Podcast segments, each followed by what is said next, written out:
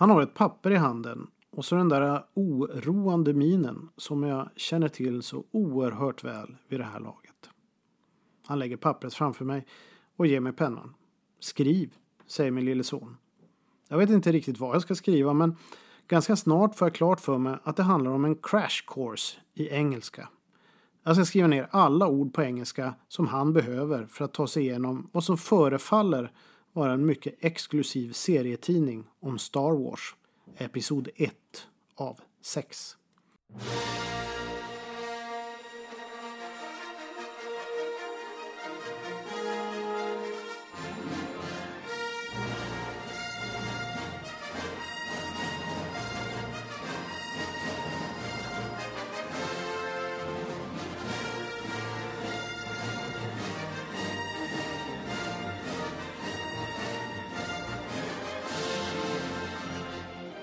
Det är canon, säger den äldre av mina söner och använder ett ord jag inte trodde han hade i sitt ordförråd. Den yngre, han som ska läsa tidningen utan tillräckliga engelska kunskaper, nickar som endast en riktig kännare gör när gemenskapen mot den okunniga omvärlden ska manifesteras. En canon. En kanon skulle jag säga på svenska. Alltså ska den vara erkänd av Star Wars-skaparna, eller Stjärnornas krig som det kallades på min tid. Ja, eller det som då sitter på rättigheterna numera och därmed en del av den värld som är Star Wars med olika tidsepoker och historiska händelser som vida sträcker sig förbi filmerna. Vi står på Comics Heaven i Gamla stan i Stockholm. Jag fattar inte ett skit, men inser storheten och som den insnöade engelske fotbollsnörd jag är vill jag visa att jag absolut fattar gemenskapen mot en okunnig omvärld. Ska ni inte ha några fler? Nu när vi ändå är här, hör jag mig själv säga. Och det är ju inga billiga grejer det där.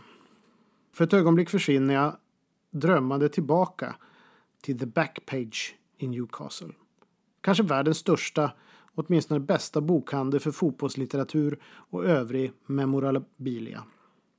Ett stenkast från St. James' Park och där min äldste son fick dra mig ut ur affären för att vi skulle hinna till den i jämförelse, åtminstone som jag ser det, rätt ointressanta matchen mellan Newcastle och Norwich. Det blev dock en rätt tung påse med böcker som jag gladeligen släpade med mig in på Gallowgate Stand. Dessutom fanns där Subutio. Det där fotbollsspelet som varje engelsman vuxit upp med på 70 och 80-talen men som aldrig slog riktigt i Sverige. Jag hade rocket. Jag hade beställt det från England fann det för första gången på en semesterresa till Cypern. En liten låda med två lag, målburar och en boll. Jag blev såld direkt. Endast tio år gammal. Det var samma kärlek som när den engelska fotbollen drabbade mig. En kärlek jag direkt förstod var något alldeles extra. Jag kunde inte förklara, men, men det bara var så. Efter mycket gnäll spenderade jag hela min reskassa på just den där lådan. Och väl hemma skrev jag till företaget och fick hem en broschyr där jag kunde beställa en spelplan, coola målburar, lag med riktiga klubbfärger och en massa annat. Tyvärr blev jag aldrig så stadd i kassa att jag kunde köpa läktare, men det var ju en ouppnåelig dröm, ungefär som ett fullständigt Märklinlandskap, och det visste jag.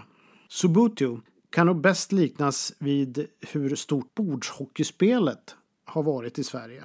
Lite samma genomslagskraft i England, om inte betydligt större faktiskt. Och lite samma känsla som när jag gick och väntade på att shoot eller match skulle anlända till Pressbyrån hemma i Boden. Ofta någon vecka sent och min engelska var i början inte särskilt välutvecklad. Ibland köpte jag fotbollsmagasin på tyska. Nästan obegripligt om man ville förstå någonting, men ändå. Det var min värld. Där jag kunde undan för undan utveckla kunskaper om ämnen få andra hade.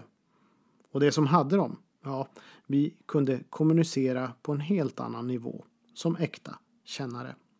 Så jag fattade. Jag fattade precis varför min lille son ville ha en serietidning han knappt kan läsa.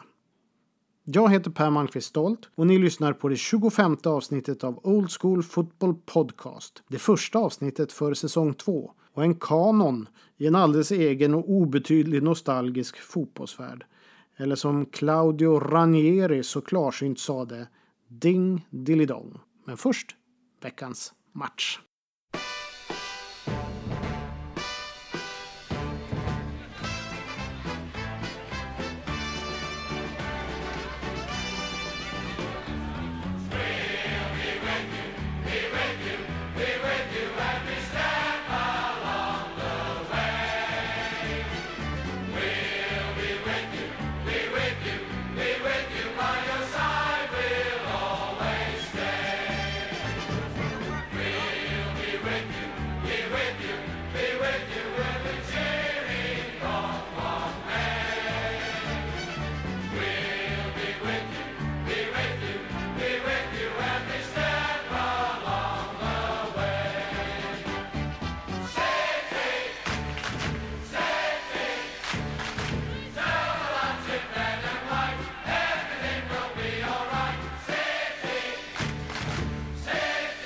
På lördag förmiddag tar Stoke City mot Manchester City på Victoria Grounds efterträdare till arena.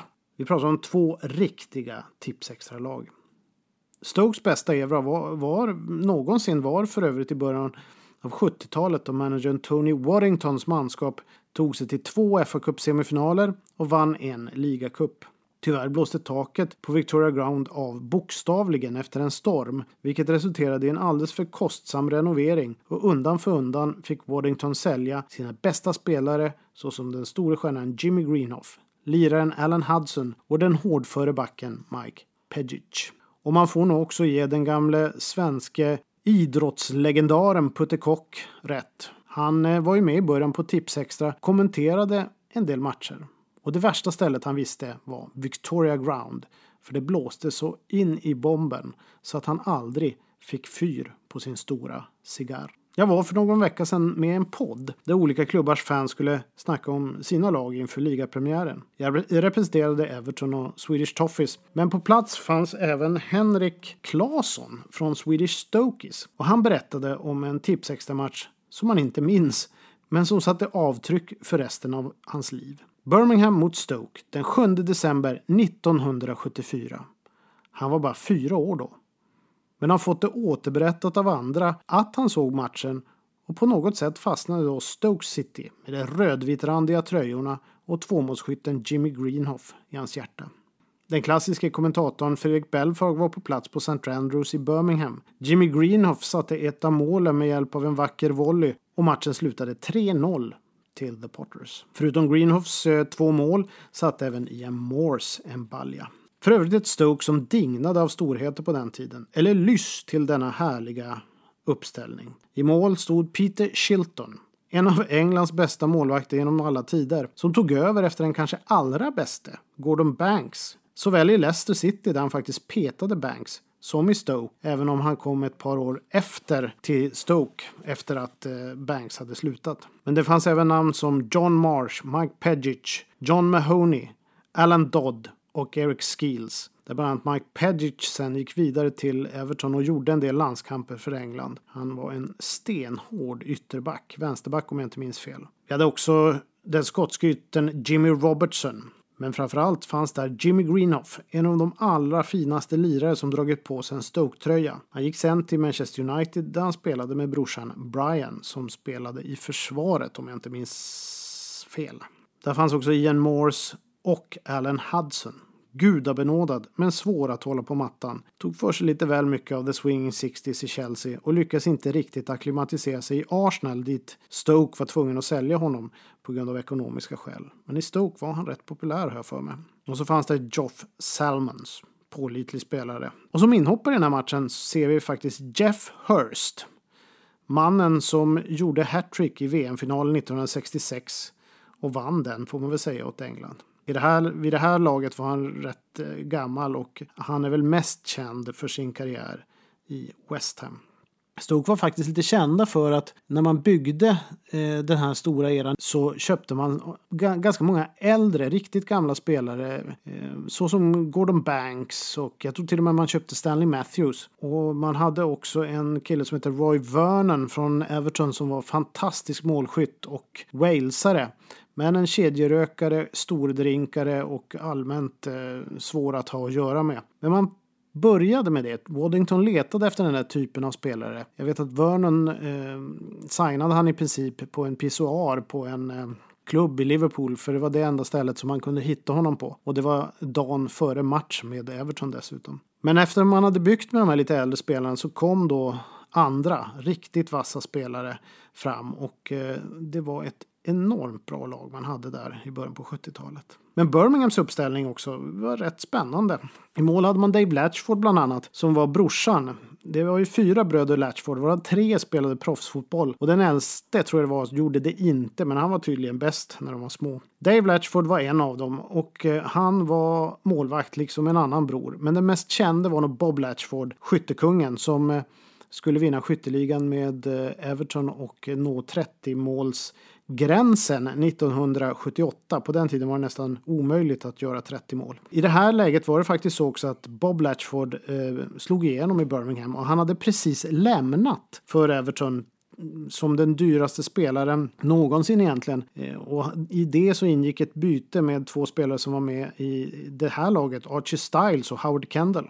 Framförallt Howard Kendall var också berömd. Han hade varit en av The Holy Trinity, alltså Alan Ball, Howard Kendall och Colin Harvey, de som vann ligan mot Everton 1970 och dominerade ganska mycket på slutet på 60-talet. Men vid det här laget var han rätt gammal och Birmingham ville ha någon rutinerad som kunde hålla i de yngre eller överhuvudtaget de mer ostyriga. För Birmingham var ett ganska ostyrigt lag på den här tiden. Som vid så många andra perioder, även på slutet av 70-talet och början av 80-talet så var det ett ganska ruffigt gäng. Så Kendall kom in och skulle med sitt lugn styra upp laget. Men där fanns också Ray Martin, Paul Henry, Joe Gallagher, Malcolm Page, Alan Campbell, Gordon Taylor, Jimmy Calderwood. Och sen hade vi då längst fram Kenny Burns. Kenny Burns skulle bli framförallt känd som eh, mittback i Nottingham Forest där han eh, var med och vann eh, i princip allt man kan vinna inklusive Europacupen. Han var nog bäst som forward och i Birmingham spelade han forward men han var lite lat och lite ekonomiskt sinnad och dessutom ganska så svår att ha att göra med. Så att för att han skulle spela forward som var lite jobbigare än att spela mittback så fick han faktiskt lite extra betalt om han spelade forward i Birmingham. Det fick han inte av Brian Clough som visste Burns rätta plats. Men han spelade tillsammans med Bob Hatton som var en underskattad spelare. Birmingham möter för övrigt en annan tipsextra-gigant nu på lördag. Då är det dags för derbyt mot Wolverhampton Wanderers. Alltid någonting att se fram emot. En annan herre, ungefär lika svårhanterlig som Alan Hudson, har också spelat i Stoke City, fast under två sessioner på 80-talet samt 90-talet. Och det här är faktiskt min första idol.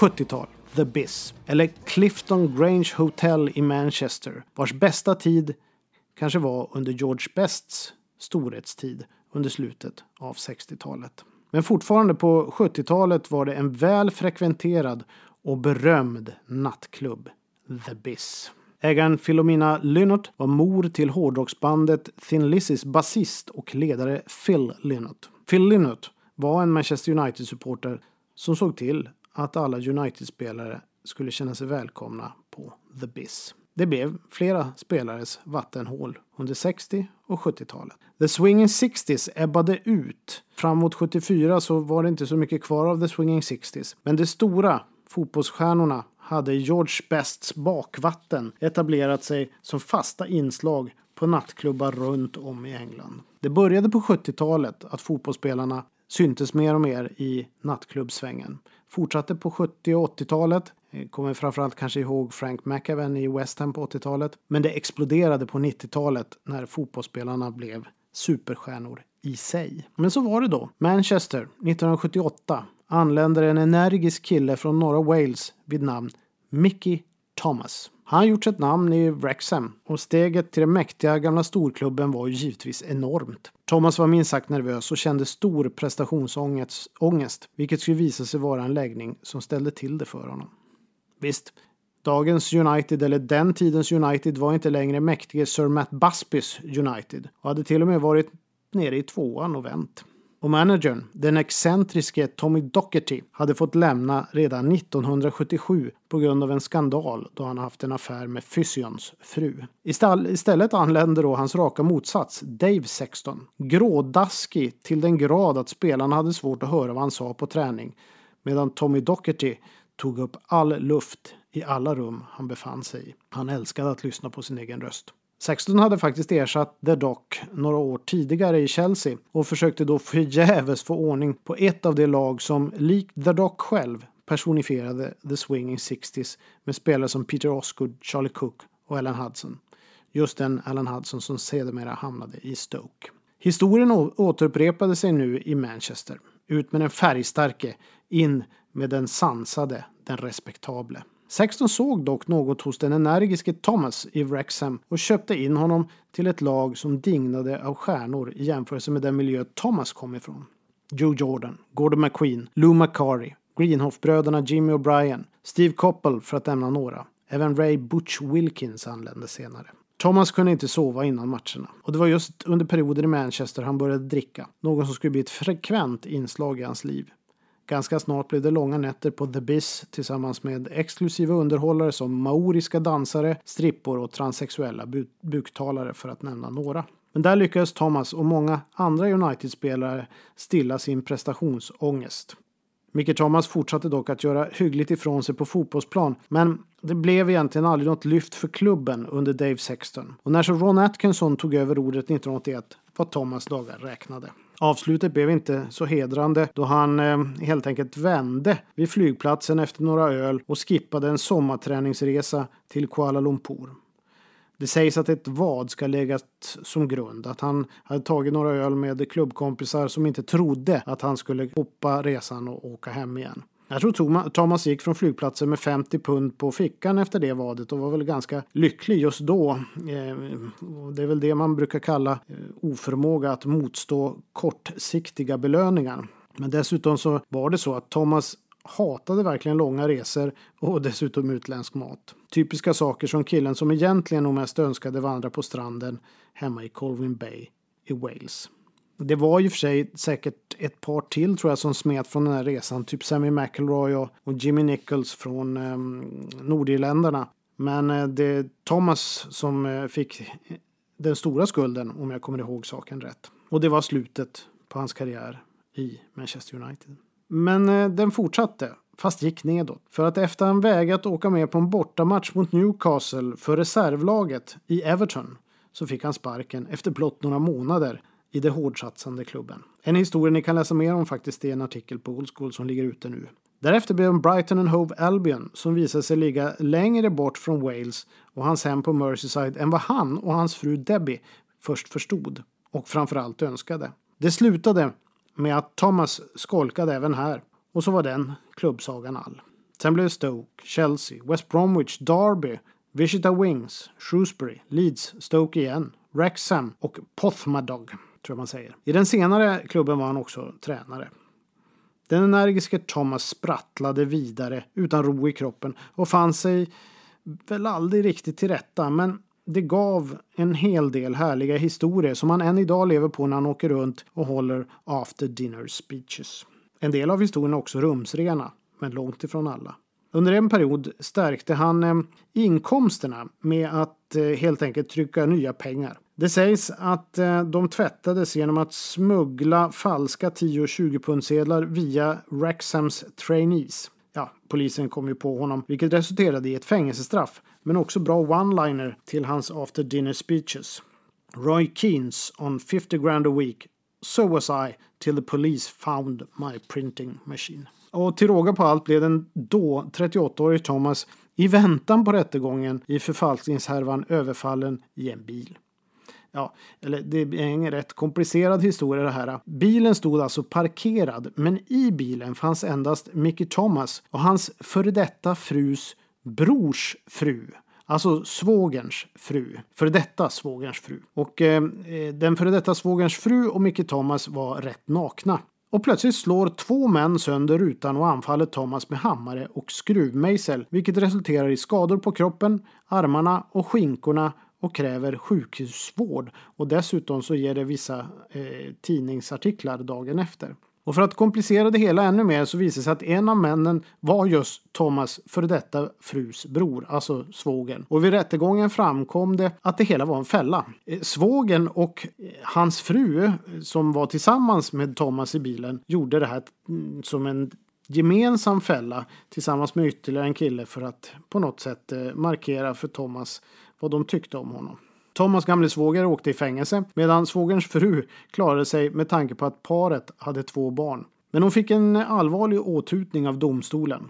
Ja, det var en rörig soppa som sannolikt hade sin början i, i Thomas infekterade skilsmässa med frun Debbie. För mig var dock Mickey Thomas en av mina första idoler och jag minns honom, om än vagt, då jag var rätt ung och när han var som bäst. Dagen då jag förstod att han dessutom skrivit på för mitt Everton var faktiskt en av höjdpunkterna i mitt då 11-åriga liv. Walesan hade återvänt till den klubb han själv uppgav var hans favorit sedan barnsben. Tre månader senare var han i Brighton and Hove Albion. Men 51 landskamper för Wales är dock inte illa pinkat för en personlighet som likt Paul Gascoigne är av det något nerviga, rastlösa slaget men älskar ett bra skämt och kan lira boll. Än idag har Thomas problem med ekonomin men jobbar också som expertkommentator och verkar ändå ha hyfsad ordning på livet, vilket tyvärr är mer än man kan säga om stackars Paul Gascoigne.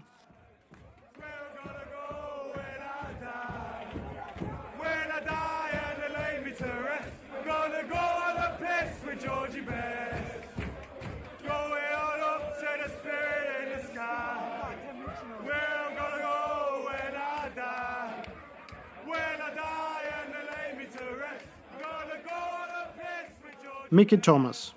Stoke och Birmingham alla 70-tal. Subutio, eller Subuteo som jag i princip sa hela mitt eh, unga liv eftersom jag aldrig hade hört någon säga det förrän jag såg en Youtube-video för inte så länge sedan. Men det är ändå en behaglig minnesbris som jag känner när jag står där i serietidningsaffären och pungar upp alldeles för mycket pengar för tidningar som en av mina söner ännu inte kan läsa men så gärna vill ha. Jag förstår honom. Jag kan sympatisera med hans passion. Fann dessutom några små tidningar för endast 10 kronor styck i A6-format. Svartvita serietidningar om hjältar under andra världskriget. Det gick under namn som Patrullserien, Soldatserien och Actionserien. Plocka på mig några, till mig själv faktiskt. För när jag var barn så lekte vi med saker som hörde till andra världskriget. Inte så mycket fantasy och sådana saker. Ja, förutom när man tog bort alla krigsleksaker ur leksaksaffärerna ur en period på 70-talet. Vilket bara kanske återigen snarare triggade. Jag minns att man från England kunde beställa Action Man i olika utstyrslar från andra världskriget. Faktum var att Action Man även hade fotbollsutstyrslar från de större klubbarna som exempelvis Everton. Om det visste jag dock ingenting när jag var liten. Men eh, mycket som blir exklusivt och svårtillgängligt blir faktiskt också intressant. Som Subutio. Som krigsleksaker. Som att försöka finna information om engelsk fotboll i svensk press på 70 och 80-talen. Som att sitta framför text-tv och stirra fram resultaten eller försöka ratta in BBC på ens egna radio hemma vid. Som att vänta på att ens lag ska dyka upp åtminstone en gång under Tipsextra-säsongen som endast sträckte sig mellan november och mars. Väntan. Det var mycket väntan och det mesta är faktiskt bättre nu. Men det gör inte de upplevda minnena sämre. Old School Football är åter i sin långa väntan på lördag. Skål på er!